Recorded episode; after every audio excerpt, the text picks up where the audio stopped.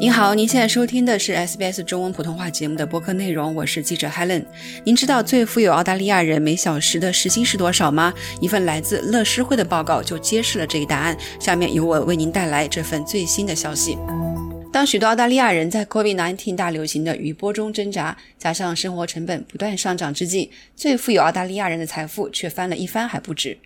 根据乐施会的最新分析，澳大利亚最富有三人，包括矿业巨头吉纳莱因哈特、养牛业和采矿业商人安德鲁弗雷斯特以及房地产开发商哈里特里古伯夫的财富，自从2020年以来增长了一倍多。根据该慈善机构的数据，澳大利亚最富有的人平均每小时赚取150万澳元，澳大利亚亿万富翁的总财富增加了70%以上，即1200亿澳元。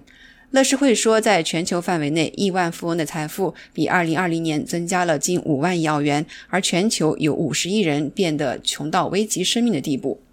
澳大利亚统计局的数据显示，澳大利亚雇员的时薪中位数为39.5澳元，自从2022年8月以来上涨了2.5澳元。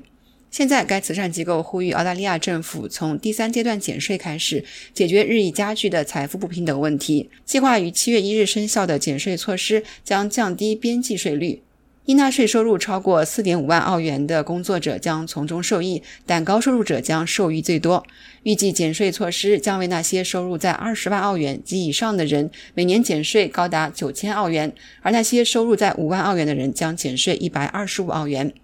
澳大利亚乐施会的首席执行官林莫根表示，政府有责任改善财富分配。他说：“我们不能接受一个在全球普遍贫困的同时，促进财富大量积累的社会。税收是我们解决这一问题的最佳机制之一。”莫根说：“我们在全球范围内应对灾难性灾害、流离失所、饥荒和气候危机的糟糕表现，不能归咎于资源匮乏，而是分配问题。这是包括澳大利亚政府在内的所有政府都急需解决的问题。”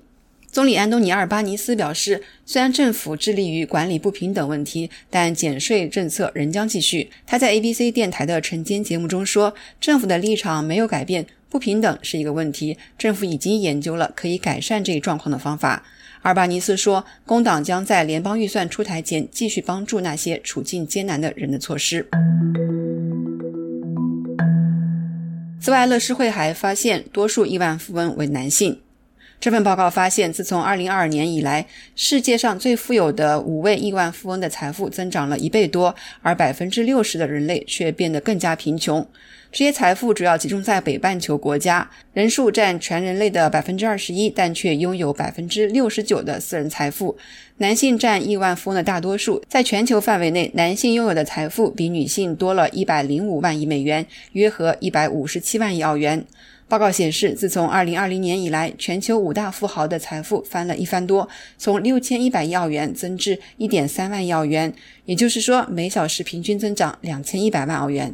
乐视会发现，财富和权力的增长也反映在企业当中。最大的企业在2021年和2022年的利润猛增89%。一百四十八家顶级公司的年利润平均为一百八十二点四亿澳元，比三年平均水平高出百分之五十二。而数亿人的实际工资却面临削减。这些企业的价值达到十五点三五万亿澳元，相当于非洲和拉丁美洲所有国家的国内生产总值的总和。以上为 SBS 普通话节目的播客内容，我是记者 Helen，欢迎您在苹果播客或 Spotify 持续关注 SBS 中文普通话节目的播客内容。感谢您的收听。